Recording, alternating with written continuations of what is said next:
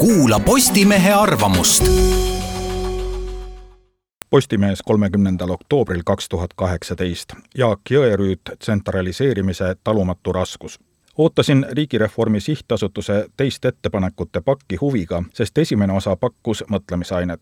kuid õigus on nendel sihtasutuse inimestel, kes on juba öelnud, et kogu mulje saab avalikkus kätte siis, kui kõik ettepanekud on koos selgitustega lauale ilmunud. õigus oli ka mul, kui kirjutasin kommentaaris riigireformijate esimesele kahekümne viiele ettepanekule, et üks lähteprobleem kommenteerimise juures tekib siis, kui korraga antakse ette vaid osa suurest paketist ja öeldakse, et tuleb veel. Postimees kahekümne viiendal oktoobril teine osa oli pettumus, justkui oleks tegu eri autoritega, eri mõtteviisidega, eri stiiliga, mitte ühest allikast saabuva läbikomponeeritud tekstimassiiviga täitevvõimu, ametnikkonda ja haldust puudutavate reformi ettepanekute seletuskiri tosinal leheküljel on täis nii õilsaid kui ka küsitavaid loosungeid, ka illusioone, näiteks varivalitsuse roll ja pildi ilu huvides suvalisi näiteid teiste riikide praktikast. kuna olen ise töötanud mitmes välisriigis suursaadikuna, mis tähendas automaatset kohustust aru saada asukohamaade riigisüsteemide toimimisest, väidan, et reformijate valikule teiste riikide praktikate kohta on alati võimalik kõrvale otsida teisi näiteid, mis eelmisi küsimärgistavad või kummutavad Rootsist otsitud eeskujud panevad eriti imestama, sest Rootsis on kahekümnenda sajandi algusest valimiste tulemusel olnud võimul enamasti sotsiaaldemokraadid ja nii on Rootsis saanud üsna sotsiaaldemokraatlik riik. pealegi endiselt kuningriik, mis on territooriumi suuruse ja maapõuerikkuse ning ajaloo iseärasuste toetusel kujunenud just selleks, mis ta praegu on valida sealt pika loomuliku protsessi tulemusena tekkinud poliitilisi, sotsiaalseid ja muid pookkoksi, arvestamata nende kasvamiskeskkonda, ja üritada neid pookida Eesti mullas kasvavate riigitaimede külge, on pehmelt öeldes kummaline ja otse öeldes ohtlik idee, sest jupp pirnipuud kadaka küljes pirne kandma ei hakka ettepanekuid on kahe peatüki juures kokku kakskümmend kolm, sisuliselt isegi kakskümmend seitse, sest üks on jaotatud alateemadeks.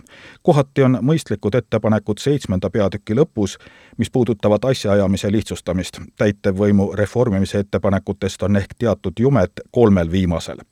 kuid välja on pakutud ka reformijate senine kirstunael valmistada ette ministeeriumite konsolideerimine ühtseks valitsusasutuseks, riigivalitsuseks ja selle lahenduse realiseerimiseks vajalikud põhiseaduse muudatused. ütlen vahele, et mul on praktilisi kogemusi kolmest ministeeriumist, Kultuuriministeeriumist ülemineku ajal, Välis- ja Kaitseministeeriumist iseseisvuse taastanud Eestis, sealhulgas nii ametniku kui ka poliitikuna kahes valitsuses. lisaks poliitkogemus üleminekuaja parlamendist. summaarsele kogemusele tuginedes saan väita, mitte et see mul mulle erilist rõõmu teeks, et riigireformijad ei taju ega tea, kuidas riik töötab. joostakse sisse lahtistest ustest või peaukse asemel köögiuksest. täistsentralistlik idee teha paljude silotornide asemel üks suur ja võimas tõi mälust esile pildikesi. George Orwelli maailma ja Aldous Huxley maailma sümbioos ja ainsa partei Keskkomitee nime taha peidetud tegelik valitsemiskeskus nali naljaks, aga selline unistus tsentralismist, nagu ajaloos ikka ilusate loosungite saatel, läheb selgesse vastuollu reformijate esimeste peatükkide jutu ja ettepanekutega, mille paatos oli Riigikogu rolli tugevdamine parlamentaarses riigis ning parlamentarismi kui meie riigikorra ja demokraatia kui põhimõtte rõhutamine mõte ühte juriidilisse kehandisse koondatud valitsemise juhist, kellele on antud ka suur strateegi roll, on kõike muud kui demokraatlik, eluvõõrusest rääkimata uus ideede pakett on selline, et olukorda endale ette kujutav inimene taipab kergesti, et erakonnad ja parlament oleks sel puhul vaid kasutud ripatsid valitsemistsentristi ehk suhteliselt kitsa ringi inimeste käes, kes valivad omale sobivaid marionette, vahetatavaid range reegli järgi. taibata võib sedagi, et vastupidi loodetule pikeneksid isikuvalikute ajad, mis tooksid kaasa ka eluliste protsesside aeglustumise. lisaks peegeldub sedasorti tsentraliseerimisidees reformijate võhiklikkus inimloomuse olemuse mõistmisel, mille tõttu peab ütlema, selline paberil välja pakutud riigimonstrum ei töötaks, hakkaks tõrkuma ootamatutest kohtadest, sest inimesed ei allu eluvõõrastele ideedele. meenub ka ei keegi muu kui autotööstur Henry Ford, konveierite ja masstoodangu isa, kes ohkas lõpuks taiplikult ja pillas kuulsa aforismi.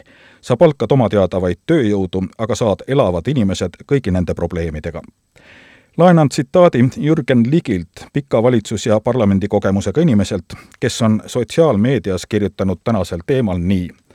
paindlikkus riigi valitsemises on kasvanud ja ametkondlikud barjäärid pole mitte niivõrd ületamatud kui vajalikud. majanduse ja looduse, majanduse ja kultuuri, majanduse ja sotsiaali, majanduse ja rahanduse vahel peabki käima vaidlus enamik olemasolevast, sealhulgas ministeeriumide vastutusvaldkondade piiritletus ei ole ebamõistlik, vaid praktilisest kogemusest johtuv. täiesti nõus, riik on inimeste maailm, mitte muinasjutt. kahe ettepanekute paki peale tekib juba mulje, et sihtasutuse mure riigi tuleviku pärast on küll inimlik ja sümpaatne, kuid tõbede üldravimina paistab neile meeldivat peamiselt põhiseaduse parandamine.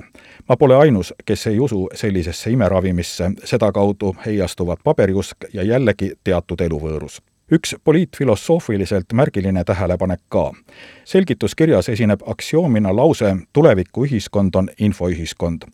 kui selleteemalist mõtet väljendatakse teisiti, öeldes, et info loomine, liikumine ja kasutamine on alati olnud olulised või muud sellist, siis oleks kõik korras, kuid oluline mõtlemisviga, millele ei tohi ehitada riikide vundamente, on arvamus, et me teame, mida toob tulevik tulevikuühiskond võib olla ka roheline ühiskond, religiooniühiskond, kultuuriühiskond või milline tahes. liiati, kui kaugest tulevikust on üldse jutt?